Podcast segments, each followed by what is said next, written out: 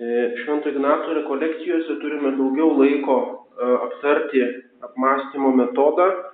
Tikiuosi, kad kunigas šiek tiek jį išaiškino, taigi bandykime jį taikyti, o jeigu nelabai pavyksta, tiesiog susikaupkime ties tomis temomis ir e, pasistengime mąstyti apie tos dalykus. E, rekolekcijų tema yra septynios didžiosios įdos arba vadinamos kapitalinės įdos. Kapitalis tai reiškia kaput yra galva lotyniškai. Jos yra kaip tokios septynios slibino galvos, kurios e, siekia praryti mūsų sielą, siekia sugriauti jos dvasinį gyvenimą. Žinoma, tai nėra maloni tema, bet gavėnios laikų yra reikalinga apie ją pamastyti kad gerai pasiruoštume išpažinčiai. Galima sakyti, išpažintis, gera išpažintis yra šitų rekolekcijų tikslas, kad suvoktume nuodėmės piktumą, nuodėmės bjaurumą ir kad e, išdrįstume pasižiūrėti į savo sielą, kaip jinai atrodo, koks yra iš tikrųjų tos sielos, kokia iš tikrųjų jos būklė. Ir nėra kitos priemonės geresnės kaip sąžinės patikrinimas, geras pasiruošimas išpažinčiai ir išpažintis, ir e, geri pasižadėjimai, bandymas teisytis. Taigi, kas tai yra pagrindinė įda arba tokia kapitalinė galvos, gal, galvos galima, kaip sakoma, įda. E, jos yra surašytos katekizme, kiekviename katekizme rasite tas septynias didžiasias ydas ir taip pat mūsų maldaknygėje yra, kur yra pasiruošimas išpažinčiai. Ir jų tvarka yra eilės tvarka labai skirtinga, bet du pagrindiniai variantai yra septynios e, didžiosios ydos ir aštuonios. Ir štai katekizmuose daž, dažnai būna ta švento Grigaliaus e, tvarka. Šventasis Grigalius, didysis, buvo popiežius šeštame amžiuje ir vienas iš didžiųjų bažnyčios mokytojų, bažnyčios tėvų nuo to popiežiaus Grigaliaus, vadinamas Grigališkasis choralas. Taigi jis turi didžiulę, didžiulę autoritetą bažnyčios mokyme ir štai jis parašė tokį veikalą moraliją apie moralios ir dvasios dalykus. Ir tame veikale būtent išdėstė septynias tas įdas. Tačiau dar lygiai jo ketvirtame amžiuje buvo toksai šventasis Evagrijus. Pontas, Ponte, e, Galacijos Ponte, tai yra dabartinė Turkija, Mažoji Azijoje. Buvo graikas vienuolis, kuris e, turėjo savo raštais didžiulę įtaką e, visai dvasiniai literatūrai, tiek rytų bažnyčioje, tiek vakarų bažnyčioje. Ir būtent Evagrijus pirmasis suformulavo tas tokią savoką, e, pagrindinių įdų. Ir vėliau Grigalius, galima sakyti, sutrumpino tą sąrašą, šiek tiek modifikavo, paskui Šventasis Tomas Akvinėtis ir daug kitų autorių kitaip jas išdėsto arba bando kitaip, bet principas yra tas pats. Tačiau pradininkas tos, tos apskritai savokos, kad yra tokios pagrindinės įdos, būtent yra Evagrijus. Taigi, kas tai yra pagrindinės įdos? Tai yra tai, iš ko kaip iš tokios versmės ar iš šaltinio teka visos kitos įdos ir visos įvairios nuodėmės. Taigi turime skirti, kas tai yra nuodėmė. Tai yra pavienis veiksmas, pavienis aktas, kuris trumpa, trunka galbūt labai trumpai.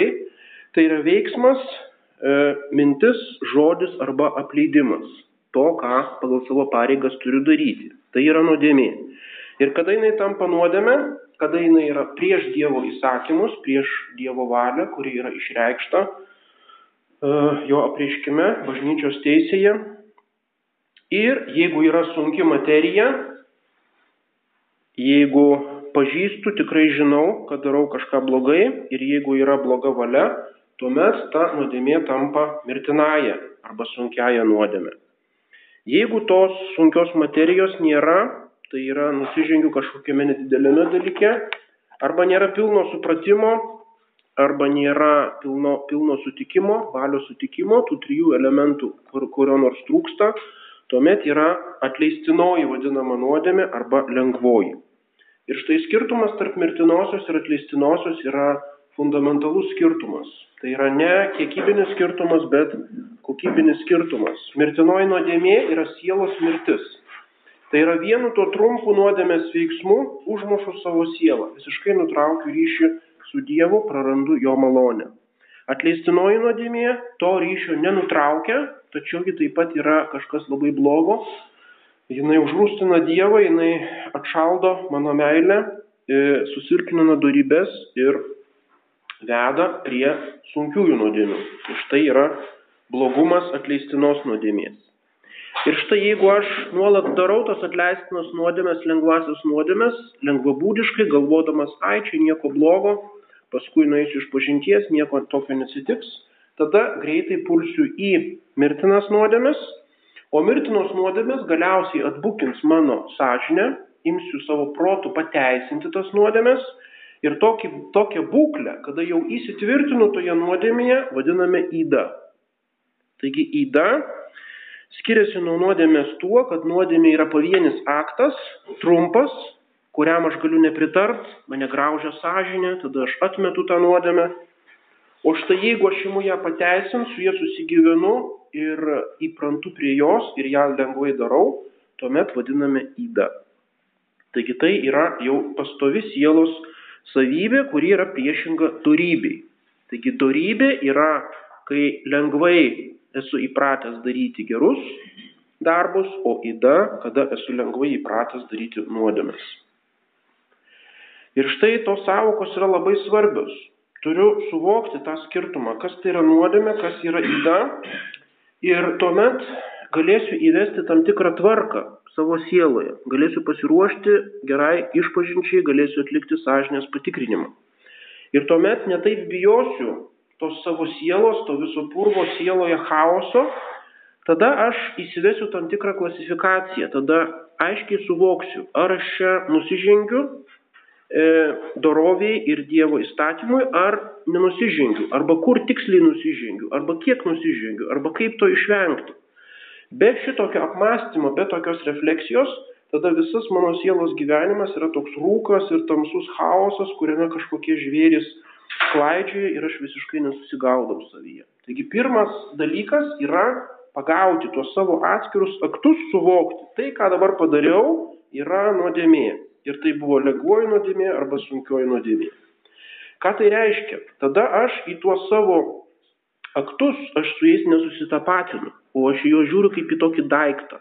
Ir kai aš jį atskiriu nuo savo sielos ir žiūriu kaip į tam tikrą objektą, su kuriuo galiu susitvarkyti, tada tik tai galiu pradėti kažkokią dvasinę pažangą arba dvasinį darbą. Taigi tai nesu aš, tai yra kažkas kito nuo manęs, tai yra žaizda, tai yra kaip lyga.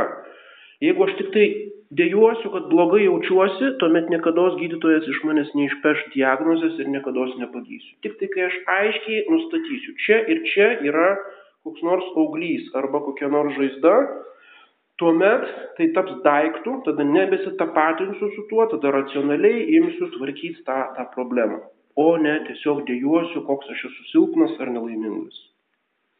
Ir štai tarptų įdų yra tos, kurios vadinamos kapitalinėmis įdomis, galvinėmis tokiomis įdomis.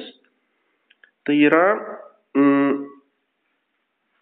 galva, tai kas yra vadas, vadiname valstybės galva. Taigi galva, galvinė ta įda, kapitalinė įda, lyg, e, šventasis Grigalius lygina su armijos vadu. Tai yra kaip armijos vadas, kuris turi pulką visų kitokių, kitokių nuodėmių ir įdų E, dažniausiai priešingų įvairiausiams darybėms ir su jomis atakuoja mano sielą. Ir štai, jeigu aš įsigyju tokią įdą, tada jau yra labai blogai. Nes, kaip sakoma, įpratimas antras prigimimas. Tai, prie ko įprantu, tampa lyg mano asmeniu. Reiškia, labai sunku nuo to atsiriboti. Šventasis raštas sako, nusidėlis ima gerti van, nuodėmę kaip vandenį nedorybę gerti kaip vandenį. Reiškia, jam pats paprasčiausias dalykas yra nusidėti. Tampa lengvų, įprastų, natūralių dalykų. Ir todėl jau Aristotelis savo etikoje skiria, kad geras žmogus gali likti geras, jis yra geras, Jeigu jis dėl silpnumo arba dėl stiprios pagundos kažkada tai nupuola arba nusideda, jis vis tiek lieka geras, nes jis priešinasi tam, jis suvokia, kad tai buvo jo silpnumas, jo sąžinė graužia, jo protas tam priešinasi, jis kovoja prieš tai ir tada gali atsitiesti. Ir toks žmogus lieka geras. O blogas žmogus yra tada, kada jis įpuola į šitą įdą, nebesuvokia to blogio ir tada žmogus jau kaip toks tampa blogas. Ir štai įdos gimdo daug kitų nuodėmių, kaip tokių palidovių arba kaip mm, pasiekmių.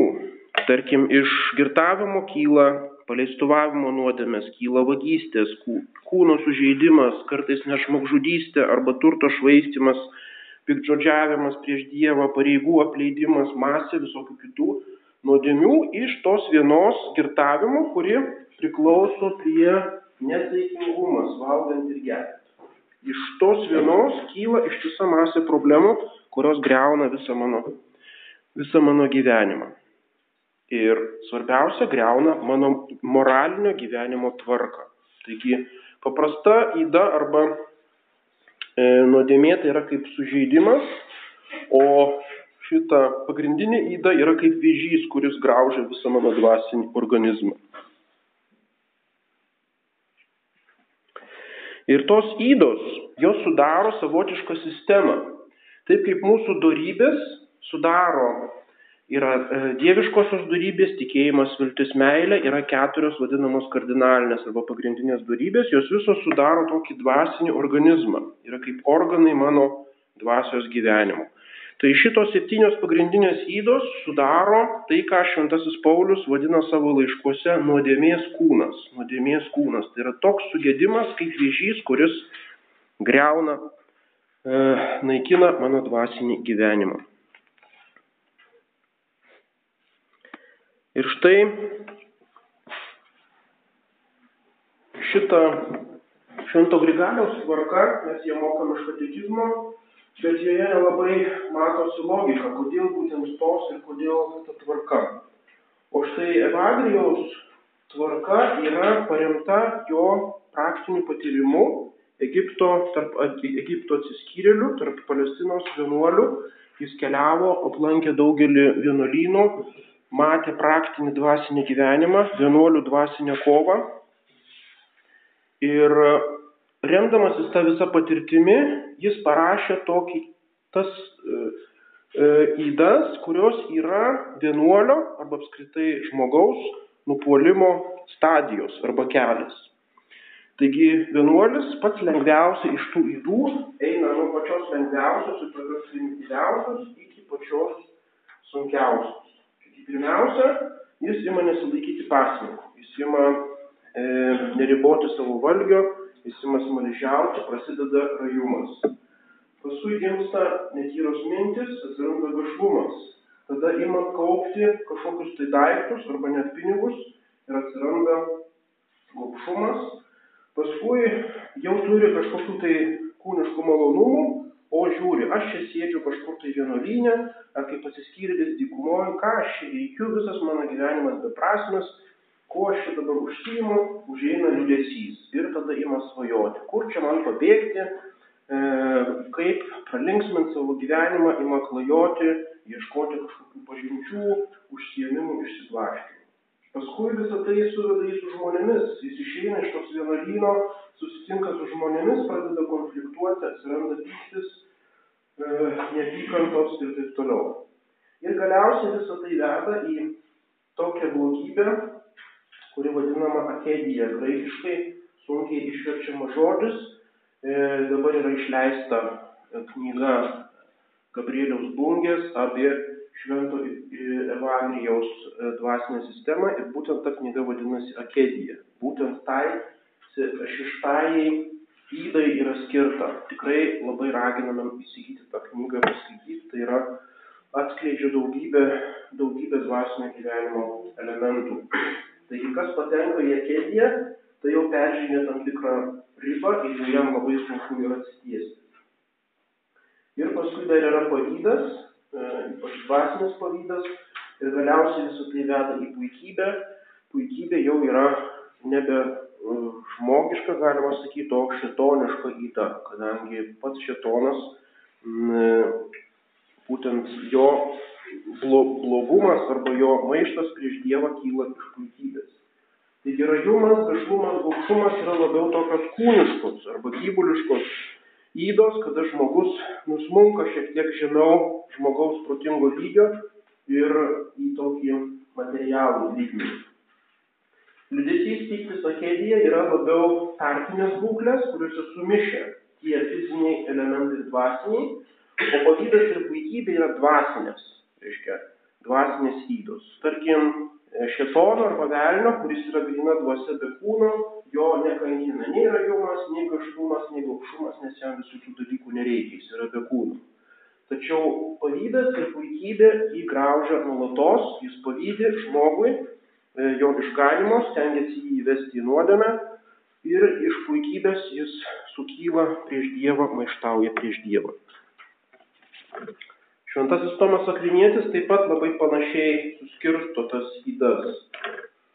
Taigi e, yra tokios dvi rūšės, yra netvarkingi troškimai ir netvarkingi, netvarkingos baimės arba vengimas. Ir štai pirmiausia, žmogus trokšta kažko. Trokšta dvasinių dalykų, tai yra puikybė, arba kūniškų dalykų, tai yra rajumas, gašlumas, gaukšumas. Arba jisai kažko tai bijo. Taigi, pirmiausia, jis bijo ir vengia savo dvasinio gėrio, tai yra akėdija. Jis e, vengia kito žmogaus gėrio, tai yra pavydas. Ir jisai nori prieštarauti arba atlyginti kitiems, tai yra pyktis. Taigi, pyktis, bodesys ir pavydas yra vengimas arba nepagrista baime arba konfliktas arba kariavimas. O kitos yra nepagristas troškimas, nepagristas leidimas. Toliau, ne visi šitų įdų aktai, nors mes jas tai baisiai pavaizdavome, yra mirtinos nuodėmės. Šitą reikia suvokti. Ir yra kitų nuodėmių, kurios yra daug baisesnės už tas. Tarkim, neapykanta Dievui. Tai yra tiesiogiai priešinga meiliai arba šventvagystės nuodėmė, arba stabmeldystės nuodėmė, erezijos nuodėmė, pagonybės ir taip toliau. Jos yra blogesnės už šitas įdas, bet jos yra tokios labiau išimtinės, o šitos kankina kiekvieną žmogų, jos yra aktuali, aktualesnės mums. Ir taip pat, tarkim, rajumas arba gopšumas arba liudesys, jos gali būti ir lengvosios nuodėmės. Jeigu mes jomis, joms nepasiduodam, jeigu iš jų nekyla e, sunkus, sunkus prasižengimai, tada jos gali būti ir lengvos nuodėmės. Tarkim, šiek tiek padauginu alkoholio arba šiek tiek pavalgau, tai nėra mirtina nuodėmė kaip toks, kaip toks dalykas. Tačiau jos yra tokios, galima sakyti, patraukliausios, jos labiausiai limpančios prie sielos jos įtraukia mus kaip verpetas ir neduoda mums ramybės ir tada būtent juose lengviausia peržengti tarp atleistinosios arba lengvosios nuodėmės iki mirtinos nuodėmės. Ir todėl jų negalima, negalima e, į jas žvelgti e, atlaidžiai arba būti savo atlaidžiam, kadangi e, labai lengvai peržengėme tą ribą.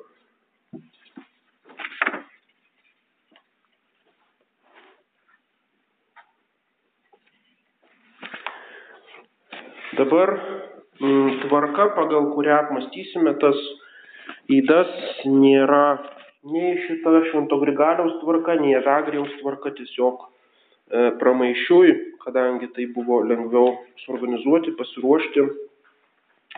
Taigi pradedame dabar nuo gašlumo. Gašlumas trečia šito Grigaliaus arba antra Evagrijaus. Gašlumas arba tai, kas yra prieš skaistybę. Tai yra tokia tema, mm, kas yra gašlumas, tai netvarkingas lytinio malonumo siekimas. Prieš, jinai nukreipta prieš saikingumo darybę, yra saikingumo darybė ir tos saikingumo darybės dalis yra skaistumas. Taigi nukreipta prieš skaistumą. Ir štai yra du kraštutinumai. E, seniau, dažnai XIX amžiuje arba net prieš karą, būdavo kunigų, kurie labai akcentuodavo tą ir nuolat apie tai kalbėdavo. Ir atrodydavo, kad visa bažnyčios moralė susiveda tik tai į gašlumo ir kovą prieš gašlumą ir į skaistumą. Visiškai būdavo pamirštama teisingumas, teisingumo darybės reikšmė arba, e, arba tikėjimo darybės, meilės ir taip toliau. Ir tada susiforma, būdavo dažnai taip pavaizduojama kaip vienpusiškas fiksacija būtent į tuos dalykus. Ir aišku, tai būdavo kritikuojama ir moralės teologai atkreipdavo dėmesį, kad ne, ne vien į tai susiveda visa bažnyčios moralinė teologija. Šiandien yra atvirkščiai. Šiandien šita tema yra visiškai de, galima sakyti, nebeliko jokių tabų, visa žiniasklaida vien yra šito persisunkusi ir e, tiesiog ką nors pasakyti e, kritiško ta tema visiškai yra neįmanoma, ypač jaunimui. Susitikome knygų mūgėje mm, tėvą e, Vincentą, kuris yra kapucinas Kaune Petrašiūnuose. Ir jisai labai daug dirba su jaunimu, dirba mokyklose ir praktikuoja tokį judėjimą, kuris yra labai gera tarptautinė iniciatyva, tyrų širdžių judėjimas. Ir jisai sako, apie tos dalykus, arba apie dorovę, arba apie apskritai apie religiją, galiu pasišnekėti su kaliniais, galiu pasišnekėti su ligoniais, su benamiais, su kuo tik tai noriu. Bet vaikai, sako, yra kaip zombiai, yra siena, akmeninė siena. Mokykloje ateini, iš vis nie žodžio, visiškai tavęs nepriima, visiškai šitie dalykai yra atstumiami ir blokuojami. Reiškia, pasiekta yra tokia riba, kada iš tikrųjų jau apie tos dalykus nebeįmanoma, darosi labai sunku kalbėti. Bet tai nereiškia, kad galime juos apleisti arba galime sakyti, kad jie yra nebesvarbus. Ir iš kur atsirado tas toks e, lengvas požiūris į nuodėmės prieš skaistumą, labai daug prie to prisidėjo e, freudizmas arba Freudo psichologija. Ir vėliau labai greitai buvo pastebėtas jos vienašališkumas. Ir dabar yra daugybė psichologų, kurie triuškina iš visų pusių Freudo visą, visą teoriją Tačiau vis tiek jinai taip yra e, užfiksuota ir tokia populiari, kad beveik neįmanoma jos išguiti. Tarkim, vienas iš Freudo mokinių yra Erich Fromm. Yra toks žydas, psichiatras, psichologas.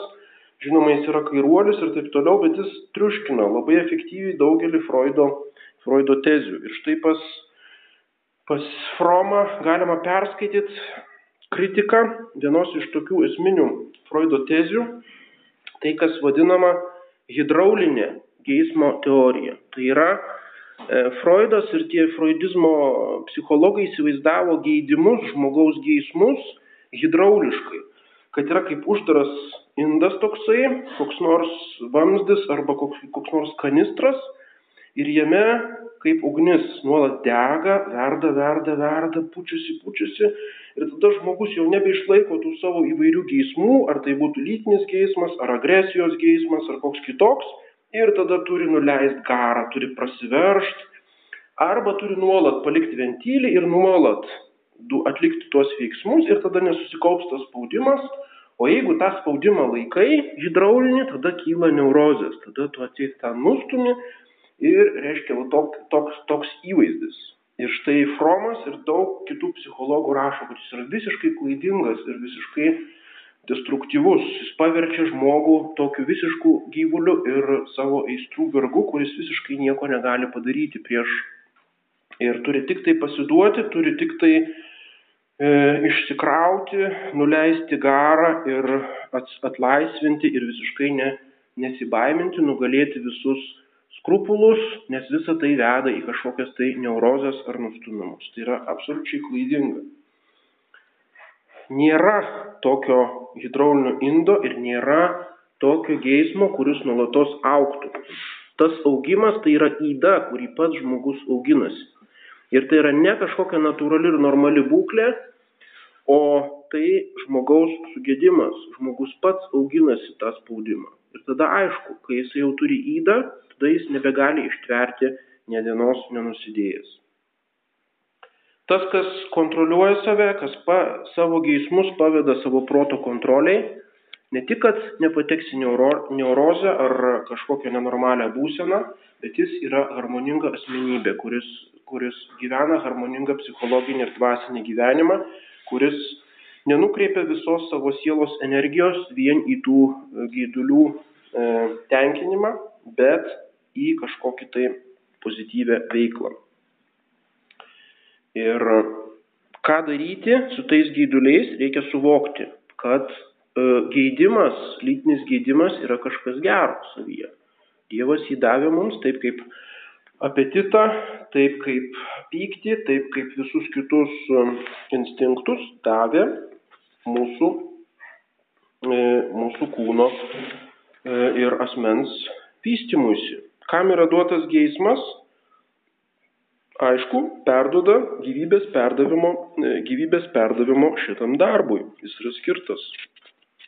Žmonijos pratesimo užduotis svarbesnė už individo gyvybės išlaikymą ir todėl Dievas davė stipresnį ir intensyvesnį gydimą.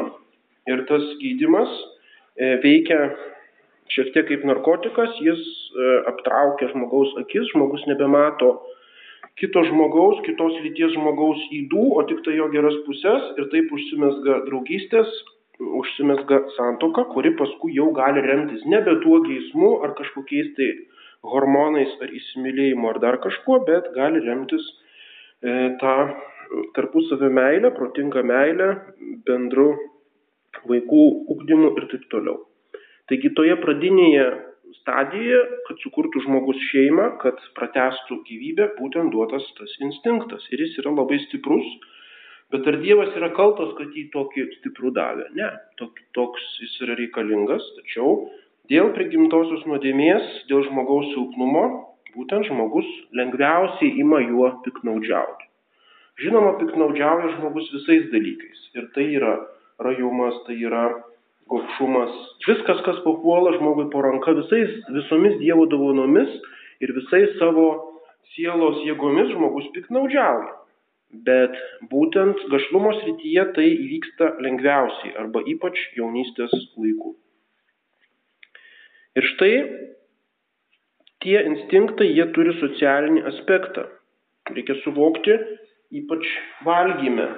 Valgymas yra ne tik tai savo asmens e, alkio numalšinimas, bet tai yra socialinis aktas, tai yra kultūrinis aktas. Tai yra per valgymą, bendrą valgymą, per puotą mes išreiškiame draugystę. Tai yra e, bendravimo priemonė. Ir dar labiau geidimas, lytinis geidimas yra skirtas visuomeniai. Jis yra skirtas, turi socialinį aspektą. Tai yra jis skirtas tam, kad paskatintų mane meiliai konkrečiam žmogui, konkrečiai šeimai, konkretiems vaikams. Ir netgi šventame rašte sako, du taps vienu kūnu. Tai yra du žmonės, du asmenys taps lyg vienu kūnu. Taps tokia glaudžia e, bendruomenė, šeimos bendruomenė, kuri taps lyg pamatų visos kitos žmonių bendruomenės. Nes valstybė susideda vėliau iš šitų šeimų. Tai kad išliktų visas socialinis organizmas turi būti tos lastelės sveikos ir stiprios. Ir jeigu jos ima irti, tada irsta ir valstybė, ir visa visuomenė. Ir štai, tarkim, valgys jaudina tik tai skonio, kvapo, regėjimo jūslės, o lytis jaudina viso žmogaus būti, visą sielą ir kūną. Taigi labiau įtraukia ir todėl dėl žmogaus e, silpnumo, dėl gimtosios nuodėmės dažniau žmogus įpuola į tas nuodėmes ir todėl turi skirti, būtinai skirti tam, tikrą, tam tikras pastangas kovai prieš tai. Todėl ne vienas žmogus, ar jis būtų šeimoje, santokoje, ar būtų kunigas, ar būtų vienuolis, nėra laisvas nuo šitų pagundų ir nuo nuolatinio kovos poreikio. Iki pat senatvės jis turi kovoti prieš šitą įdą, taip kaip ir prieš visas kitas įdas. Bet dažnai žmonės pasiduoda arba mano, būtent pasąmonėje turi tą hidraulinį tokį įsivaizdavimą, kad ką aš galiu daryti. Vat spaudžia mane tos pagundos ir turiu išsilaisvinti ir turiu kažkaip tai, mm, kažkaip tai pasiduoti joms, nes kitaip jos mane sugriaus. Tai yra visiškai, visiškai klaidinga, tai yra kapitulacija. Šitą, nuo tos kovos nesame nei vienas, nei vienas atleistas. Ir taip pat, nors ir sakoma, kad e, santoka arba santokos šeimos luomas, vienas iš jo tikslų yra tam, kad padėtų žmogui tvarkingai išgyventi tą lytinį savo gyvenimą, vis dėlto šeimoje ir santokoje lyties, lyties pagundų ir progų nusidėti yra ne ką mažiau negu kitose luomuose. Taigi tas skaistumo, skaistumo darybė svarbi ne tik tai tiems, kurie gyvena celibate arba mergystėje iki santokos, bet jinai yra esminė taip pat santokoje. Santokinė skaistybė. Taigi santoka taip pat yra sritis, kurioje aš turiu pažaboti savo instinktus. Ir tai yra taip pat labai sunku. Taigi geismas redukuoja mano asmenį ir kitą asmenį iki kūno, tik tai iki priemonės. Ir aš nebe, nebetenka tos socialinės prasmės ir to tikslo, kam jis Dievui duotas, tai yra žmonių giminės pratesimas ir jis tampa savitiksliu ir destrukcinė, destrukcinė priemonė. Ir dabartinė mm, visa e, žiniasklaida mokykla netgi su vadinamoju lytiniu ugdymu, švietimu ir taip toliau, visa sistema būtent e, yra viena didelė pagunda arba vienas didelė, didelis prieštaravimas šitai skaistumo darybei. Ką tai reiškia? Ar mes turime tam pasiduoti? Ar mes turime prie to priprasti kaip prie tokios atmosferos, kuri aplinkui yra Mes turime išlaikyti tą skaistumą, stengtis išlaikyti arba tą uh, gėdos jausmą arba distanciją nuo tų dalykų. Ir ne tik tai vieš, viešoje sferoje, bet taip pat mm, privačiame gyvenime. Kaip mes elgiamės, koks yra apsirengimas, kokie yra žodžiai, kokie yra žvilgsniai, kaip yra bendraujama su kitais žmonėmis. Taigi, reikalinga savikontrolė visose dalykuose dvasinėme gyvenime, bet ypač šitoje srityje. Ir tai yra toks bazinis dalykas. Jeigu aš neišlaikysiu tos kontrolės lyties srityje, tai tada kitose srityse labai sunku bus ką nors padaryti. Hmm, tie, kas susijęs su kompiuteriais arba kompiuter informacinėmis sistemomis didesnėse įmonėse, yra tokie pasakojimai ir žinios, kad jeigu e, įvesti filtrai įmonėje, pornografijos filtrai, tai 75 procentai sumažėja naudojimasis internetu. Reiškia, kas vyksta tose visose įstaigose įmonėse yra masinis, masinis mm, piknaudžiavimas tuo dalyku, kuris yra geras, tai yra internetu arba apskritai žiniasklaida.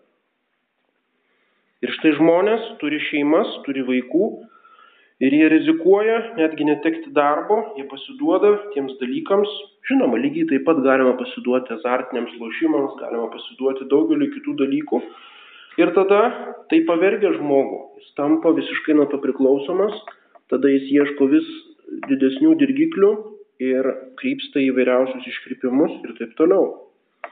Ir Europoje dar apie tai nerašoma, bet tarkim Japonijoje tai yra tiesiog ištisa e, industrija, masinis reiškinys, masiškai visi žmonės yra įjungę į pedofiliją ir taip toliau. Tai yra visiškai prarasta kontrolė, bet kokia e, kontrolė šitoje srityje.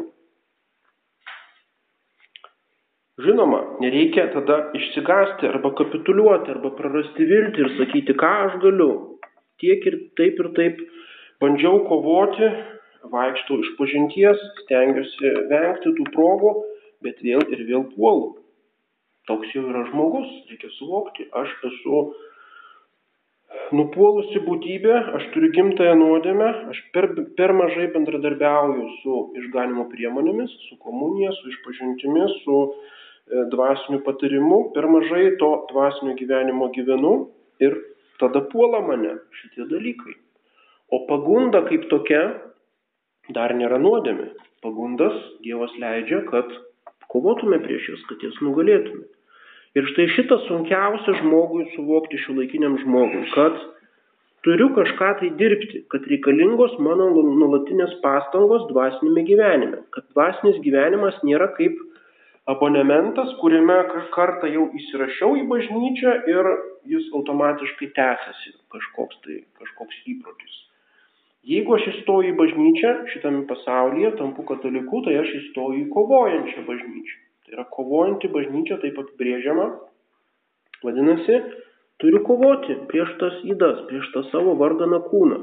Ir ta kova tęsis garantuotai iki pat grabo lentos.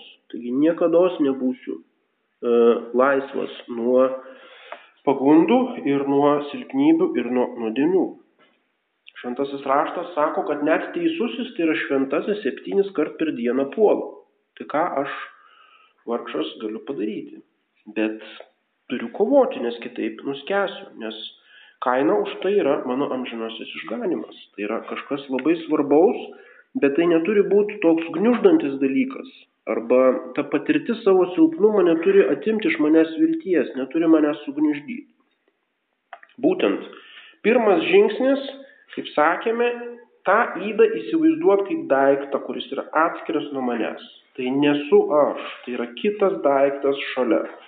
Ir štai dabar tą daiktą lokalizuoju e, ir tada žiūriu, kokius dydžio, kaip dažnai jis pasitaiko, kada jisai mane puola, kokiomis valandomis.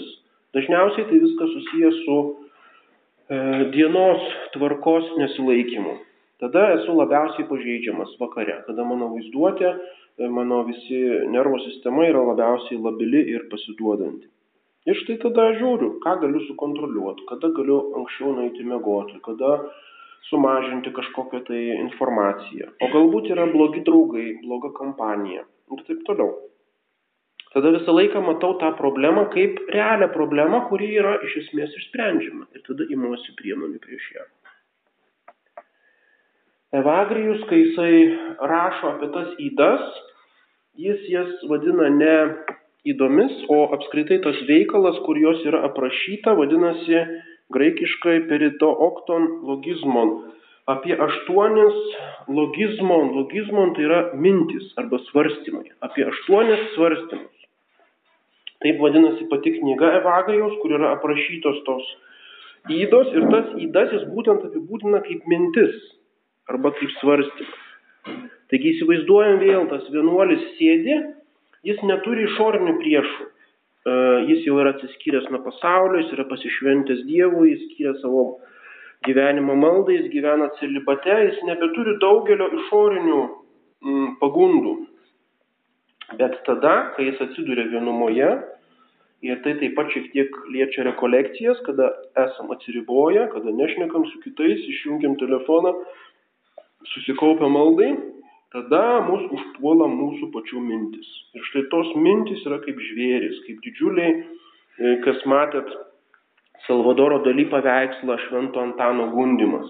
Tai yra tokie drambliai ant ilgų kojų, tokie baisiausi liūtai, kurie puola ir atrodo mane suės. Ir štai žmogus persigasta tų savo minčių, tos mintis atrodo kaip destrukcinė tokia jėga, kuri, kuri mane sugriaus. Ir tada žmogus bėga nuo tos vienatvės, bėga nuo susikaupimo, kažkur išsiblaškyt, bet tai visiškai nereiškia, kad jis nuo jų pabėgo. Jis reiškia, kad jau sėdi kurios nors tos minties pilve, jau reiškia, jos jį prarijo. Tai visiškai nėra išeitis apie tai negalvoti. Būtina konfrontacija su tomis mintimis. Tai yra, aš turiu suvokti tą savo įdą kaip tokį žvėrį. O dabar stovi prieš mane liūtas su penkiomis akimis ir dešimčia ragų. Tokia vat mintis, toks logizmo. Ir tada aš su juo kovoju. Aš melžiuosi, aš priimu komuniją, aš visos tos priemonės prieš tas mintis e, turi būti visas arsenalas priemonių, kuris mums bažnyčios yra duotas. Dvasinis patarimas paklausti kunigo patarimo, skaityti dvasinės knygas, taip pat apie dvasinį gyvenimą, apie moralinį gyvenimą, ypač susipažinti su katekizmu, perskaityti bent tai, kas yra toje maldaknygėje apie sąžinės patikrinimą. Atskirai Dievo įsakymai, atskirai darybės ir įdos ir konkrečios nuodėmės, kaip ir iš jos kovoti. Toliau yra būtent malda. Ta malda gali būti jungiama į novenas, gali būti kelias dienas ta pati malda kartojama, tai yra ištvėrimas tam tikroje maldoje, tam tikra intencija. Be maldos visa mūsų kova yra e, grinai žmogiška ir mes niekada neįveiksime savo įdos kadangi be Dievo malonės mes esame e, nepajėgus sutvarkyti savo įdų.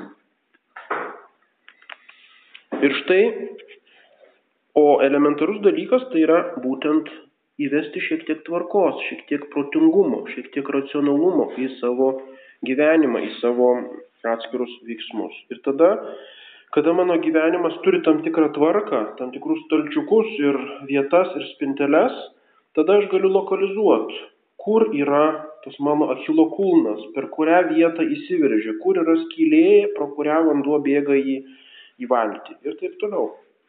Tokiu būdu nebeišsigastų tų savo minčių, tų baisių žvėrių, bet e, imu su jais tvarkytis, imu kovoti, imu e, skirti tam tikras pastangas, Žinoma, tam reikalingas kantrumas reikalingas nuolankumas. Jeigu mes galvojame, kad per kelias dienas ar savaitės ar metus susidorosim su kokiu nors žvėrim ir lengvai įveiksim ir paskui jau galėsim jį pamiršti ir paskui eiti prie kito ir daryti nuolatinę tik tai pažangą, tai mes labai apsigauname. Bus atkritimai, bus uh, sausros periodas, bus sunkumo periodas, bet būtent jeigu iš, ištveriame, jeigu nuolankiai vėl ir vėl grįžtame prie Dievo, prie maldos, tada niekuomet nekapituliuojame. Ir štai šventasis Grigalius išskiria tokias aštuonias dukras gašlumo arba luksūryje. Pirmas, tai ir pirma dukra, tai yra dvasinis apakimas. Geriausias pavyzdys yra karalius Saliamonas, kuris buvo šventame rašte E, yra pateikiamas kaip išminties etalonas, kaip didžiausias išminčius, kuris parašė išminties knygas - Saliamonas. Ir štai jis pasidavė gašlumo įdai ir galiausiai tas gaš, gašlumo įda, tos moteris jį nuvedė prie stabmeldystės, tai yra prie didžiausios kvailystės, prie išminties praradimo.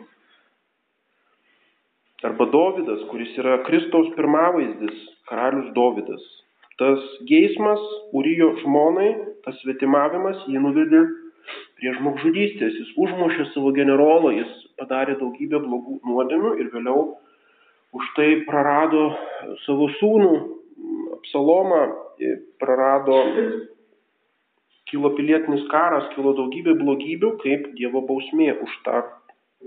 Reiškia, Gašlumas labiau negu kitos įdos aptraukia mūsų akis, dvasios akis. Žmogus apanka, žmogus praranda blaivų, blaivų vertinimą. Antra, antra dukra šito gašlumo tai yra skubotumas, veikimas neapgalvojus. Atrodo, kad turiu dabar, gyvenimas trumpas, turiu dabar staigiai kažką tai padaryti. Ir tada žmonės palieka šeimą arba nueina paskui kažkokią kitą moterį arba vyrą arba kitaip greuna savo ir kitų gyvenimus. Skuboti sprendimai, nepasitarus su kitais, neapgalvojus. Trečia dukra yra praktinio sprendimo trūkumas. Tai yra žmogus kenkia savo geram vardui, savo sveikatai, savo turtus, ima veikti pas prieš savo interesus. Ketvirta dukra yra valios nusilpimas. Jis nebesipriešina kitoms pagundoms, kitose įdose. Jis ima švaistyti savo turtą, jis ima elgtis neteisingai, jis neatsižvelgia į kitų žmonių teises ir taip toliau. Toliau yra savęs meilė ir Dievo neapykanta. Ir būtent tai, ką šiandieninis pasaulis vadina meilė, tai nėra meilė. Tai yra e, klaidinga savimėlė, klaidingas egoizmas, savęs tik tai savo tenkinimas, kuris galų gale veda į neapykantą Dievui. Kodėl žmonės šiais laikais taip aršiai užsipuola, tarkim, interneto komentaruose bažnyčią arba mm, religiją arba kunigus ir taip toliau? Todėl, kad e, kažkas tai jam sako, kad tu negerai gyveni ar kažką netaip darai. Tada kyla toks baisi reakcija, kad dauguma ateistų yra visai ne ateistai, o tai yra būtent ta dukra, gašlumo įdos dukra. Arba jeigu moteris be apgalvojimo ir be, be, be kažkokios atgailos daro aborto nuodėmę arba kontracepciją, tada viskas, jinai atskiria save nuo, nuo apskritai bet kokio religinio gyvenimo ir tampa bažnyčios priešai ir religijos priešai. Tai yra tampa, ima net nekesti Dievo. Ir galiausiai dukros yra prisirišimas, jausmingas prisirišimas prie šio pasaulio ir ateities pasaulio baimė. Taigi žmogus bijo mirties. Jis įsivaizduoja, jis tapatina savo gašlumą su gyvenimu. Reiškia, kol aš esu gašlus, tol gyvenu. Kai jau to nebedarysiu, tai tada lyg numiręs būsiu. Ir iš to kyla būtent e, prisirišimas prie grinai kūniško aspekto šito gyvenimo ir baisinga mirties baimė. Gal užteks šitą temą. Tai dabar eisim iš karto į koplyčią, bus e, vakaro malda ir rytoj 7 val. kėlimasis tada bus 7.30 susirenkame koplyčioje, koplyčioje ryto malda ir tada trumpas apmąstymas apskritai apie tas įdas ir apie gašlumo įdą. Ta prasme, mastome dabar ne apie konkrečias savo kokias nors nuodėmes. Tai labai blaško. Dabar nereikia atlikinėti sąžinės patikrinimo per tą meditaciją. Nes tada iš karto įmame galvoti apie kažkokius konkrečius dalykus. Dabar mąstome apie principus, apie tą e, septynių įdų sistemą kaip apie tikėjimo tiesą, kaip epitinę tiesą ir sužadiname valią būtent ją pasinaudoti. Tokia bus, toks bus tikslas rytojos to apmąstymo. E, ir paskui bus pusryčiai ir taip toliau. Dabar einame iš karto į koplyčią vakaro maldai.